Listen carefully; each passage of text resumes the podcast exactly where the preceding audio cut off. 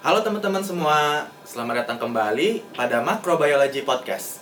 Mulai hari ini, podcast-podcast kami akan mengusung tema Tumbuh Bersama Membangun Karsa.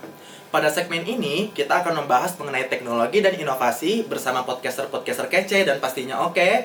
Siapa lagi kalau bukan saya Syahru? Saya Rafinella. Halo semuanya.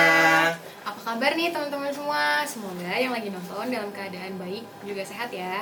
Em, hari ini kita mau ngomongin apa nih, Ru? Hmm, karena kemarin kita udah ngebicarain tentang entertainment ya, Raf. Eh, sekarang kalau misalnya kita ngomongin tentang teknologi dan inovasi, seru kali ya, Raf? Tergantung sih. Tapi kalau misalnya kita ngomongin tentang eh, teknologi dan inovasi mikrobiologi nih pasti seru banget sih. Apalagi kan kemarin baru ada temen-temen yang lolos SNBP mikrobiologi ya. Nah, berarti kayak kita ngenalin podcast kita, sekalian ngasih tahu nih, inovasi apa yang bisa kembangin dari mikrobiologi nggak sih, Raf? Iya, betul banget tuh yang kata Syahru. Kalau yang kamu pikir nih, eh, mikrobiologi itu apa sih? Kayak gambarannya aja deh, apa tuh mikrobiologi? Nih, kalau menurut aku ya dari namanya aja tuh kayak simpelnya mikrobiologi ini pasti berkaitan dengan makhluk-makhluk tak kasat mata atau enggak kayak kecil-kecil gitu nggak sih? Hmm.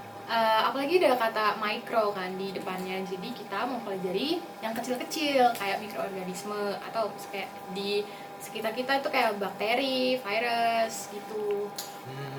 Dari penjelasan kamu kayaknya menarik banget gak sih belajar dengan eh, belajar tentang hal-hal yang berkaitan dengan mikroorganisme? Menurutku ya, Raf, kayak mind blowing banget gak sih? Soalnya kan kita nggak familiar nih sama mikroorganisme ini gitu.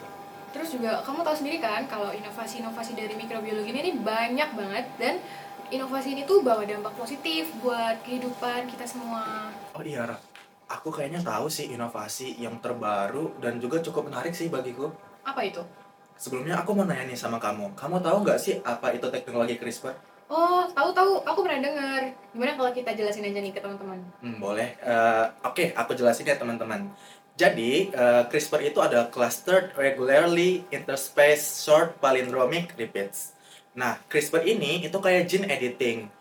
Eh, jadi dia itu metode terbaru yang digunakan untuk menghasilkan sifat-sifat tanaman baru yang pastinya kalau misalnya kita menghasilkan sifat-sifat tanaman kan tentunya yang menguntungkan ya. Bener-bener banget.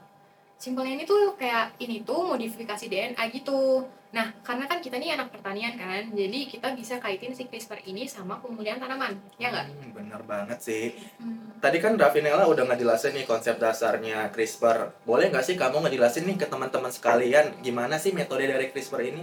Boleh-boleh jadi teman-teman, awalnya eh, ada nih yang namanya CAS9 alias CRISPR Associated Protein. Nantinya si CAS9 ini tuh kayak nemuin tempat gitu di eh, DNA. Nah, abis itu si CRISPR ini bakalan ngerekayasa DNA. Dan intinya kayak memodifikasi si DNA gitu. Long story short, DNA yang udah direkayasa tadi akan bereplikasi membentuk sifat DNA yang baru. Tuh. Oke, kalau gitu aku paham sih. Eh, by the way nih Raf, eh, kalau di pertanian kan bisa dipakai buat pemulihan tanaman nih, kayak yang aku bilang. Iya. Nah, ke teman-teman tahu nggak, selain di bidang pertanian, teknologi CRISPR ini bisa juga diaplikasikan dalam bidang kesehatan, kayak mutasi, memperbaiki mutasi genetik nih, eh, which is larinya ke penyakit kanker. Oh alah. Jadi si CRISPR itu multifungsi banget ya?